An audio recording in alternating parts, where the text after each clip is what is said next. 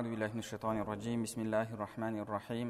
الحمد لله رب العالمين والصلاة والسلام على نبينا محمد وعلى آله وأصحابه أجمعين. رب اشرح لي صدري ويسر لي أمري واحلل عقدة من لساني يفقه قولي. اللهم علمنا ما ينفعنا وانفعنا بما علمتنا وزدنا علما وعملا وتقا وإخلاصا يا رب العالمين. أما بعد السلام عليكم ورحمة الله وبركاته. Иншалла алла субханала тағаланың қалауымен имам абу хамид ал ғазали рахмауллахтың кітабы бойынша нәпсін тәрбиелеу тақырыбындағы дәрістерімізді ары қарай жалғастырамыз біз сіздермен әл мунжият бабының әл мурабата мәселесін қарастырып жатырмыз және соның ішінде өткен дәрісімізде әл мурақаба яғни адам таңертең өзіне міндеттер жүктегеннен кейін кейін өзін бақылау керек екендігі жайында айтқан болатынбыз. Күндіз адам өзін бақылағаннан кейінгі жасайтын қадамы бұл. Күн батқаннан кейін түн болғанда кешкі намазын оқып болғаннан кейін тағы да бір сәт өзіне көңіл бөліп өзіне есеп беру өзінен есеп алу. Адам дүниелік тіршілігінде саудада жұмыс істеген кезде есеп айырысады соңында. Апталық болады айлық болады жылдық болады. Адам есеп айырысу арқылы қол астындағылардан есеп алу арқылы қанша кіріс болды қанша шығыс болды қандай кемшіліктер болды соның барлығын көреді біледі.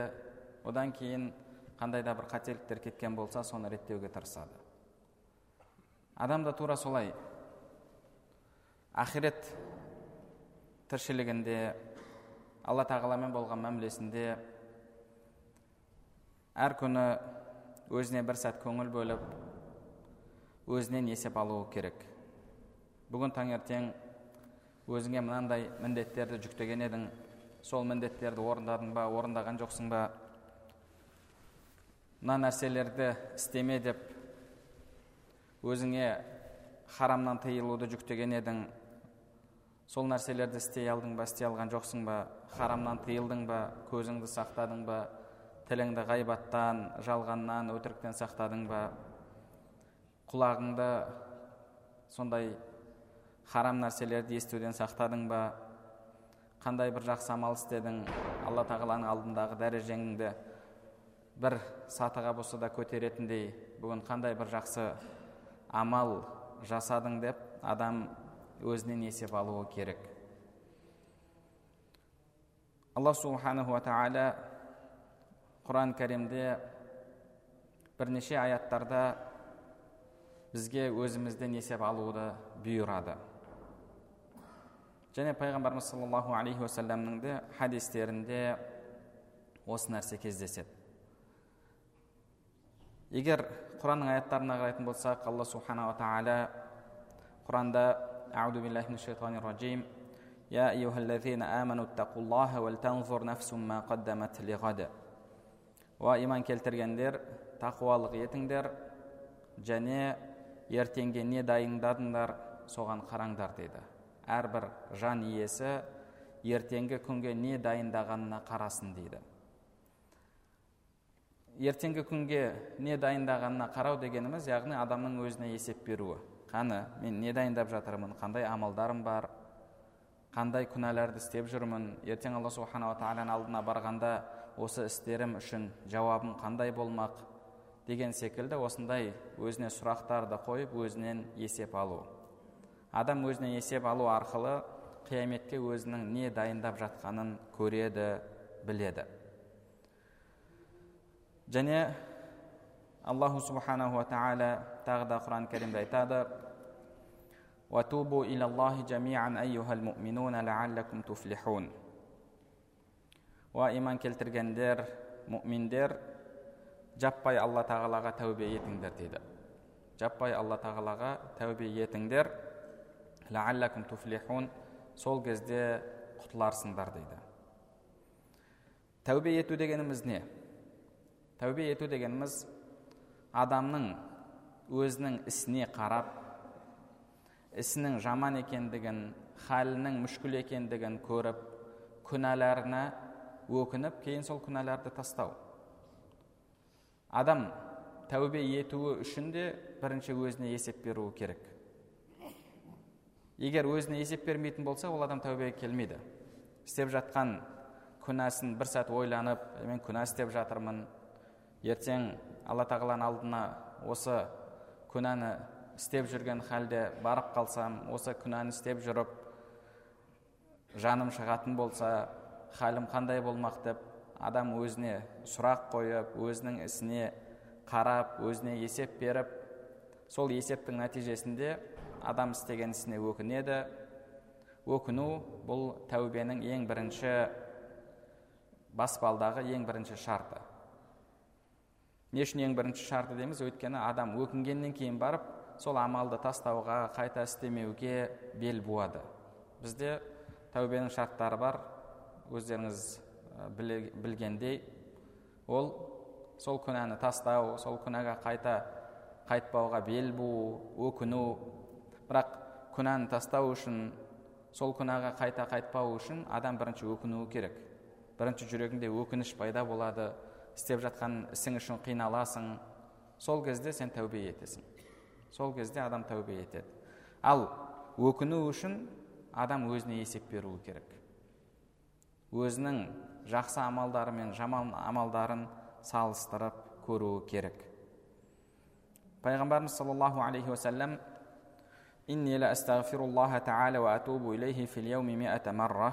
мен бір күнде алла тағалаға жүз рет тәубе етемін және алла тағаладан жарылқау тілеймін дейді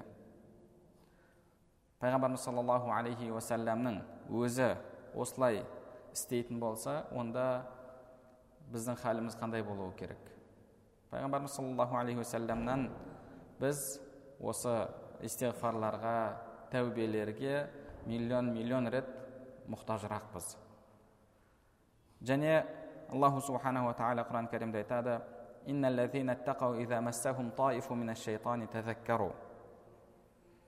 шынайы тақуа еткендер егер оларға шайтан келіп шайтан азғыратын болса тәзәккару деді. Тәзәккару яғни қайтадан алла тағаланың естерін алып есін жинап қайтадан оянып жүрегі оянып өзінің ісіне олар есеп береді. Бұл шынайы тақуа құлдардың сипаты болып табылады. Яғни тақуа құлдарды шайтан ешқашан азғырмайды оларды айналып өтеді деген сөз емес. Кез келген адамды шайтан азғырады кейде бір жаман ойларға барып қалады. Бірақ олар лезде сол сәтте қайта оянып өздеріне есеп беріп сол күнәдан немесе істемекші болып жатқан күнәдан бас тартады. Омар ибн хаттаб радиаллаху анхуден келген мынандай бір керемет сөз бар. Ол кісі айтады хасибу анфусакум қабла ан тухасибу ан тухасабу вазинуха қабла ан тузану ертең сендерден есеп алынбай тұрып өздеріңе есеп беріңдер дейді. Және ертең тартылмай тұрып амалдарың таразыға қойылып тартылмай тұрып бүгін өздерің амалдарыңды таразылаңдар дейді және ол кісінің тағы бір жерде екінші бір сөзі бар. Бұл дүниеде амалын таразылаған өзіне есеп берген адамның қияметте есебі жеңіл болады дейді күнделікті жұмысыңда да егер саған басшылық екі аптадан кейін есеп тапсырасың десе сіз дайындаласыз.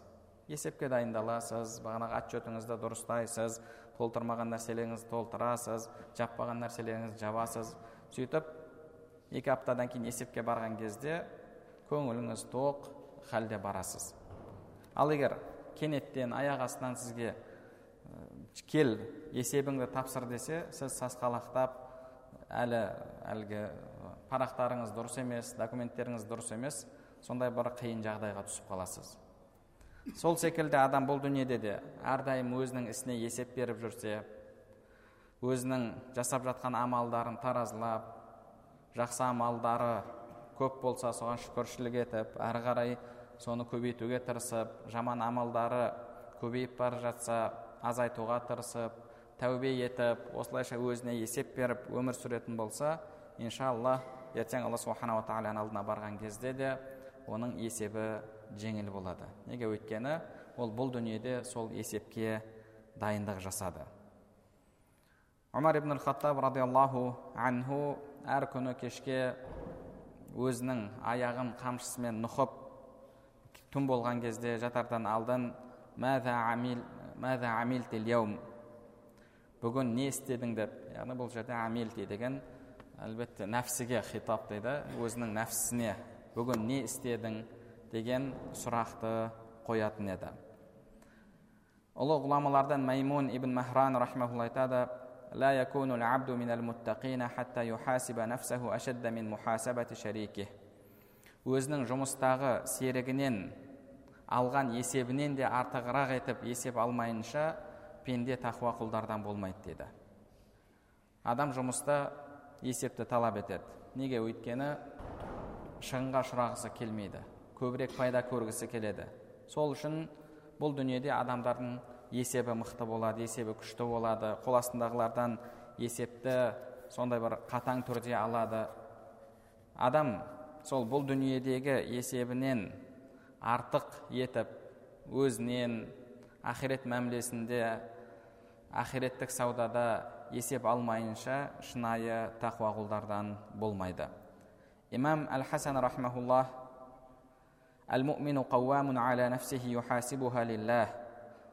мұсылман адам әрдайым өзінің нәпсісін бақылауда ұстап нәпсісінен есеп алады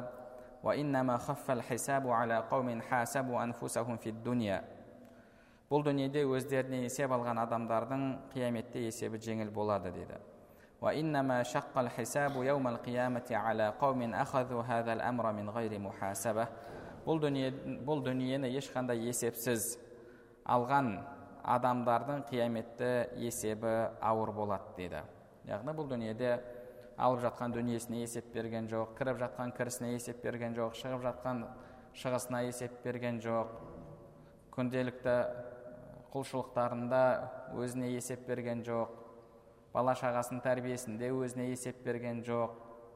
Әйелінің тақуалығында өзіне есеп берген жоқ. Бұл дүниені жалпы бұл дүниедегі барлық нәрсені есепсіз алып есепсіз пайдаланды. Ол адамның қияметте есебі ауыр болады. Әнәс ибн малик рахмаулла былай деген сәмиәту умар ибн al-Khattabi радиаллаху анху омар радиаллаху анхумен бірге болдым бір күні ол кісі бақшаға кіріп кетті және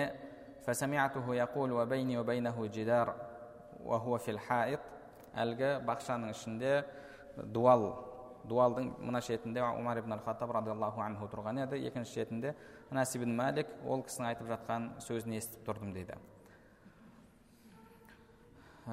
умар ибн ал хаттаб амирул муминин бахин бахин уаллахи лататтақиянналлах ау ла өзіне амирул муминин яғни мұсылмандардың басшысы деп айтып жатыр бұны не үшін айтып жатыр яғни сен солар үшін жауаптысың деп өзіне ескертіп жатыр бахин бахин яғни тоқта тоқта деген мағынадағы сөз уаллахи өзіне ант ішіп айтып жатыр алланың атымен ант ішіп тақуалық етесің немесе алла тағала сені азаптайды деп ол кісі осындай өзіне сондай қатты көңіл бөлетін өзінің әрбір ісіне есеп беретін имам хасан рахмауллах айтады деген аятқа қатысты لا يلقى المؤمن إلا يعاتب نفسه ماذا أردت بكلمتي ماذا أردت بشربتي ماذا أردت بأكلتي والفاجر يمضي قدما لا يعاتب نفسه құранда алла субханала тағала өзін кінәлаушы нәпсімен ант ішкен өзін кінәлаушы нәпсімен ант ішеді құранда қарап отыратын болсақ жалпы алла субханала тағала нәпсінің үш түрін келтіреді бірі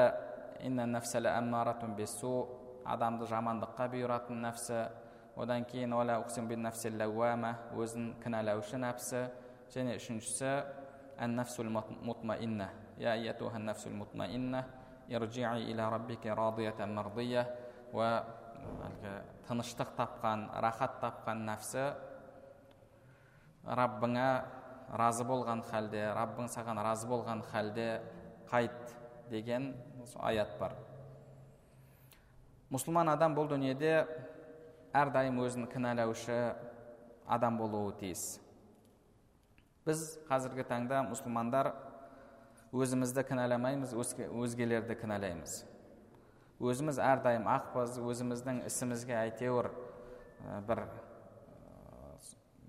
үзірлер тауып тұрамыз өзімізді ақтап алуға дайын тұрамыз.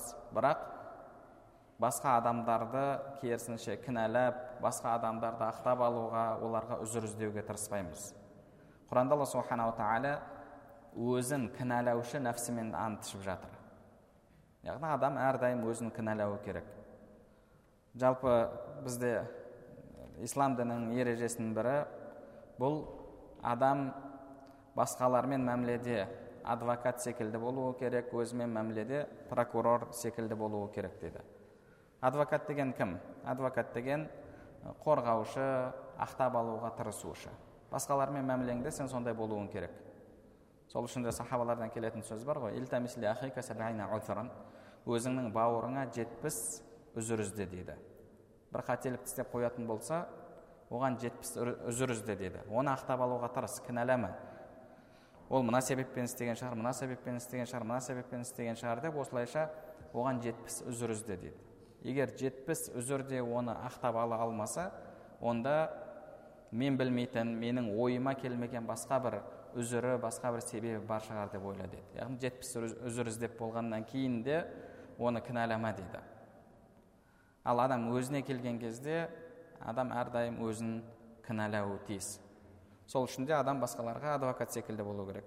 Ал өзіне прокурор секілді болу керек. Прокурор деген кім? Прокурор кінәлаушы айып тағушы адам болып табылады. Сол қызметті атқарады. Бізде қазір өкінішке орай керісінше болып кетті.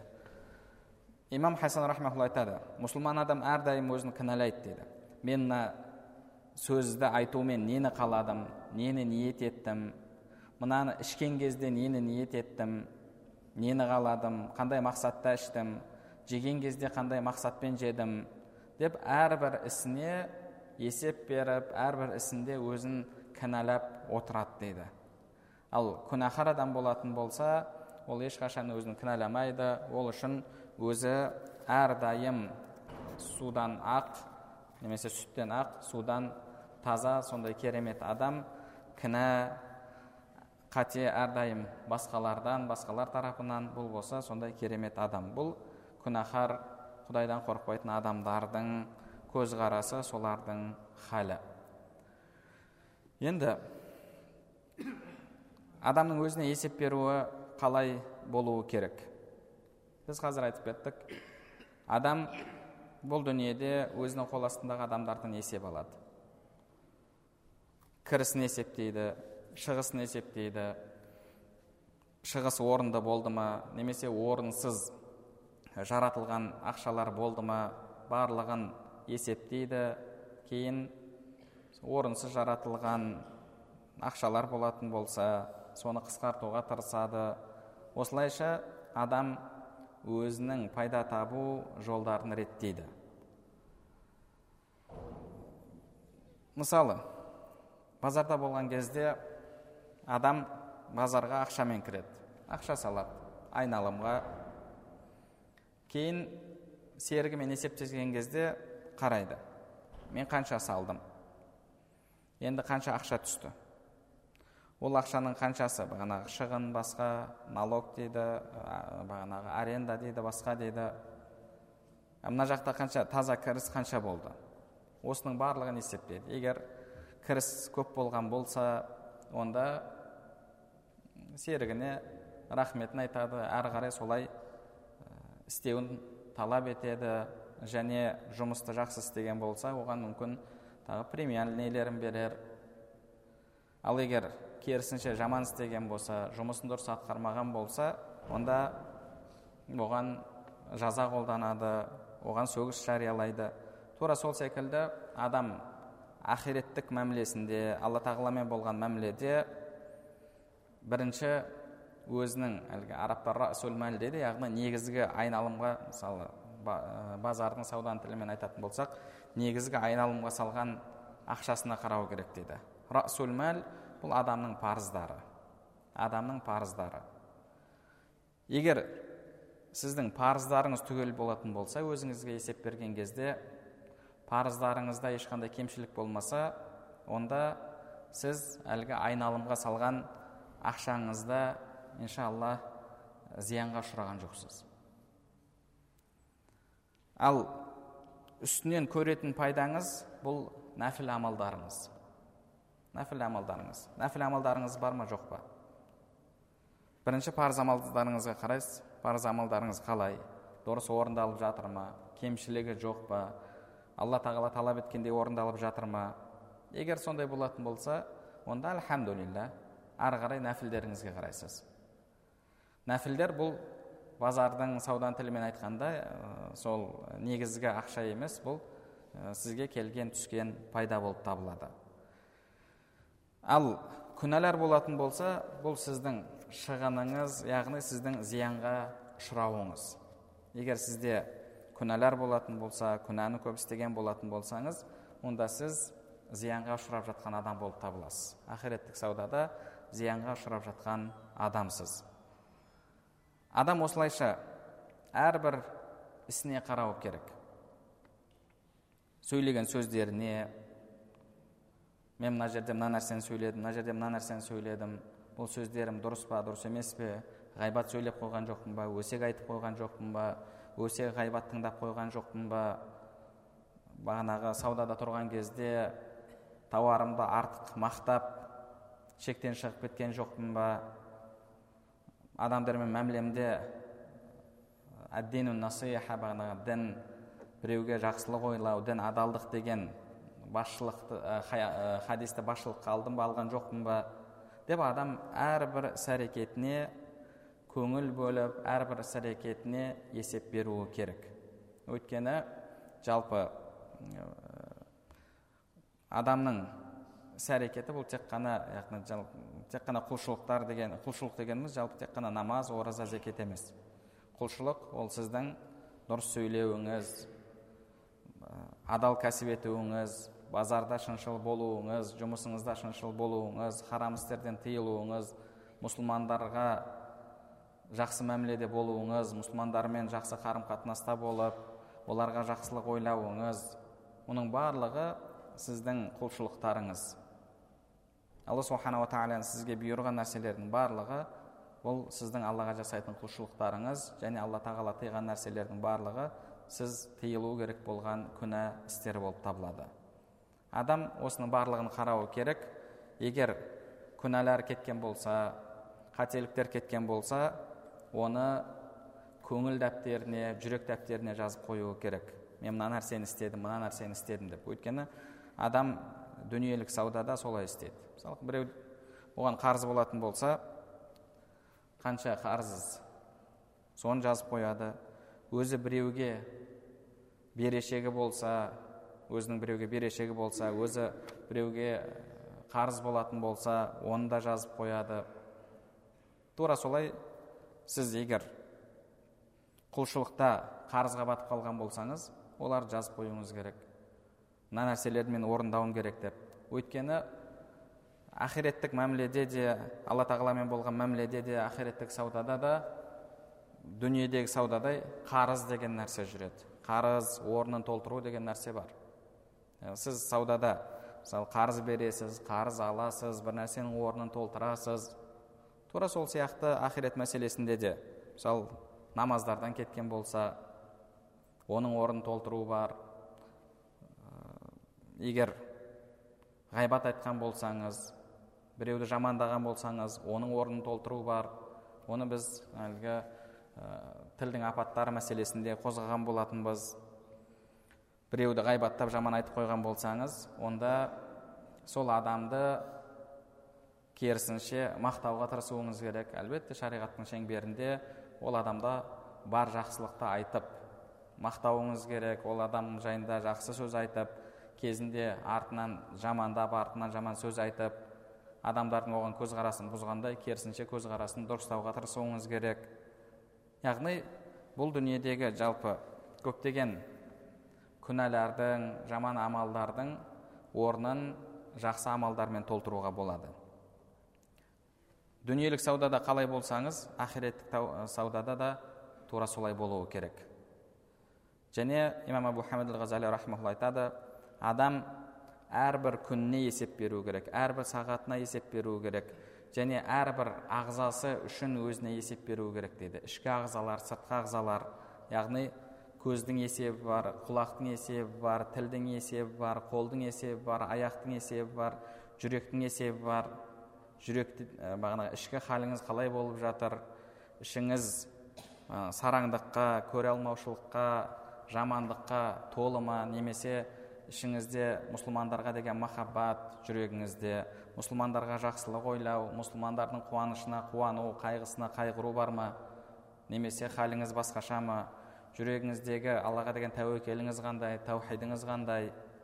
Осының барлығында адам өзіне есеп беруі керек. Және сыртқы ағзаларда да. Көзіңізбен нені қарадыңыз? Неге қарадыңыз? Нені көрдіңіз? Алла субханала тағала көзді бізге не үшін жаратты?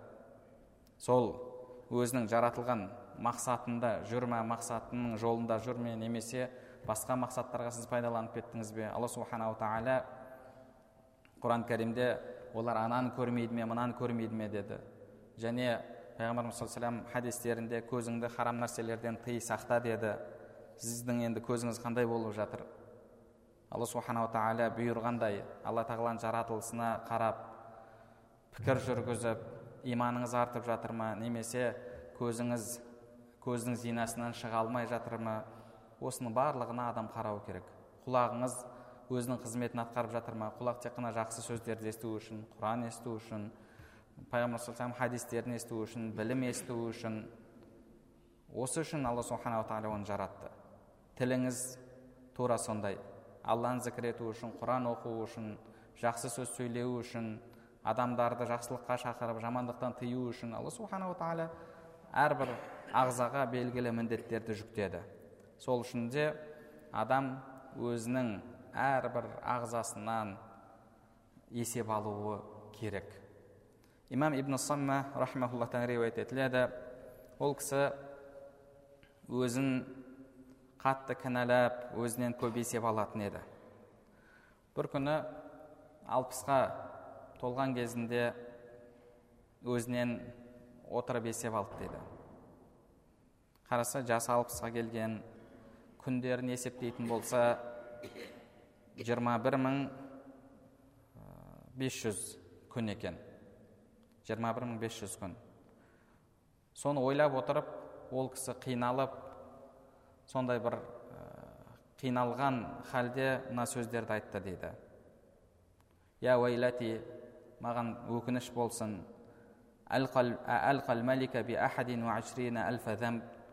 мен алла тағаланың алдына жиырма бір мың күнәмен қалай барамын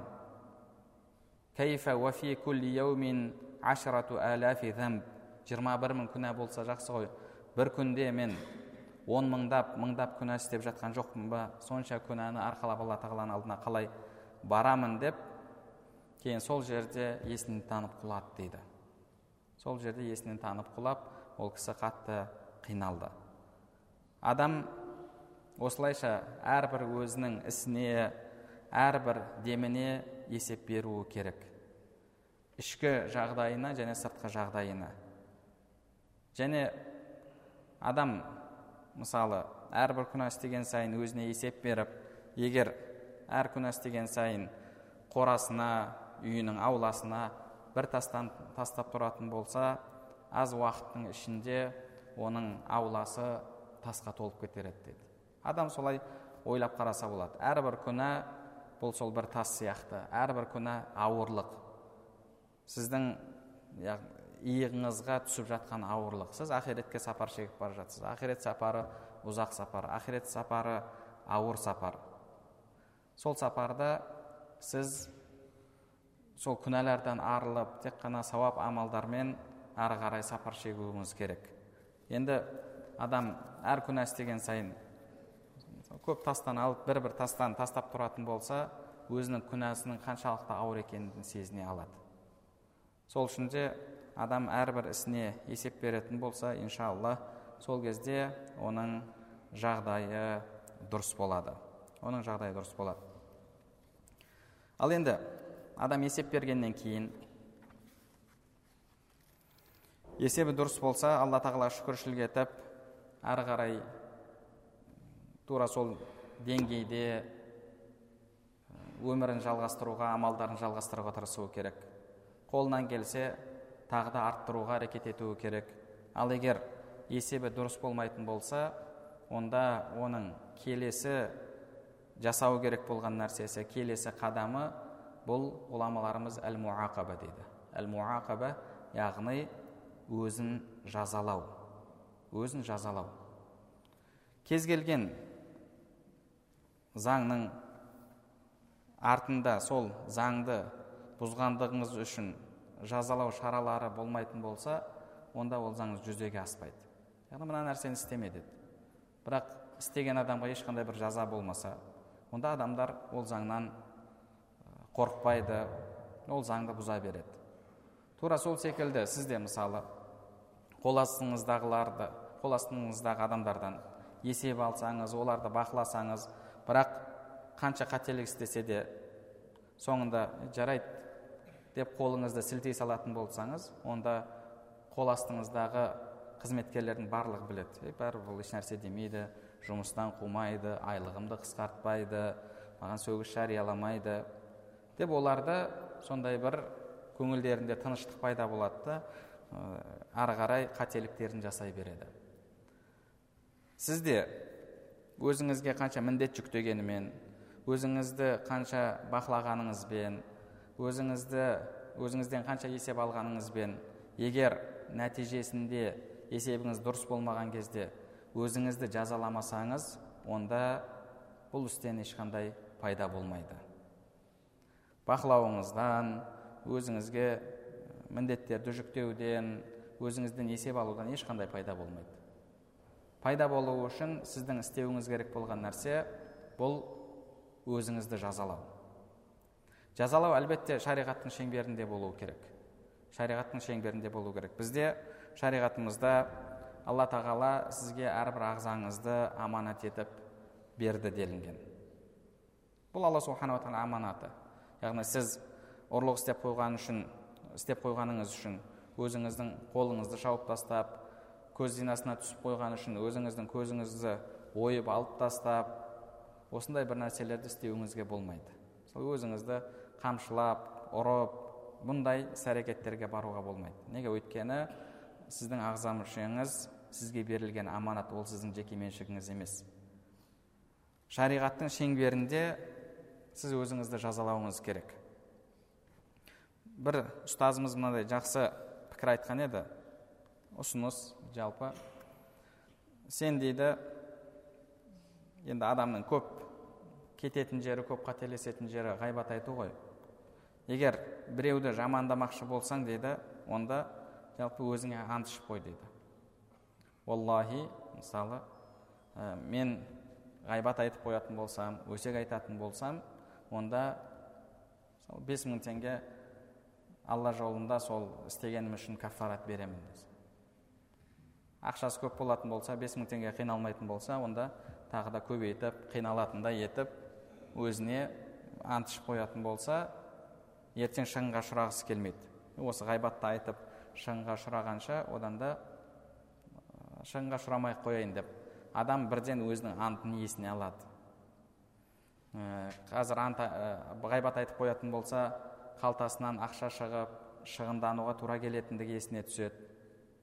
Егер айтып қойған күнде өзін солай жазалауы керек. Сол кезде адам өзін бақылауда ұстайды. Егер мысалы күмәнді нәрсе жеп қоятын болсам мен үш күн ораза тұтамын немесе он күн ораза тұтамын деп өзіне міндеттеп қойса күмәнді нәрсені жейтін кезде ойланады.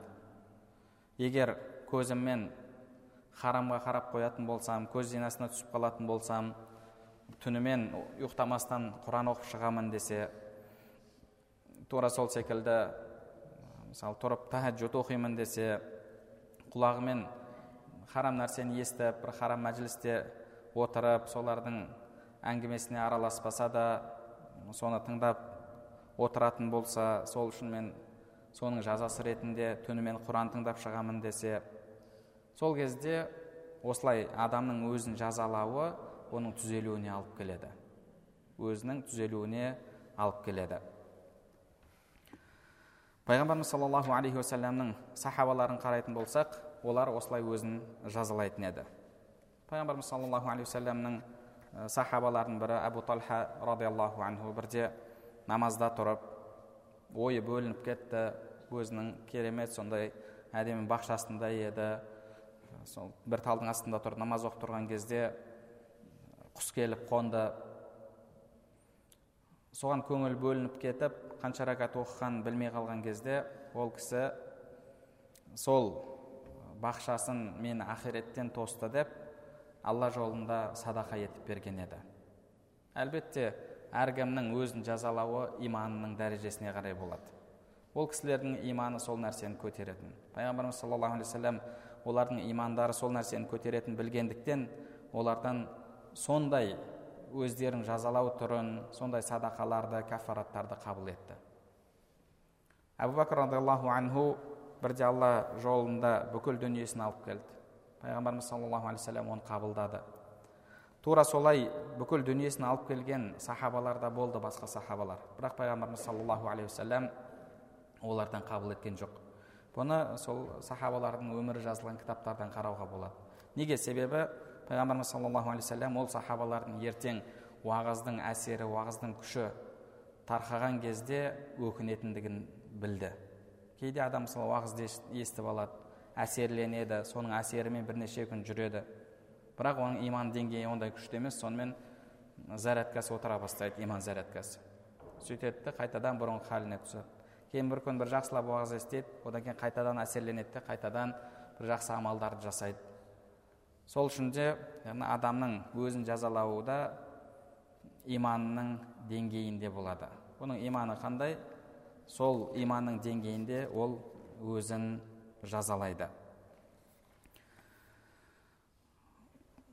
Абдулла ибн қайс рахмаулла айтады бір күні бір шайқаста болдық. Дұшпанмен бетпе бет келіп тұрмыз.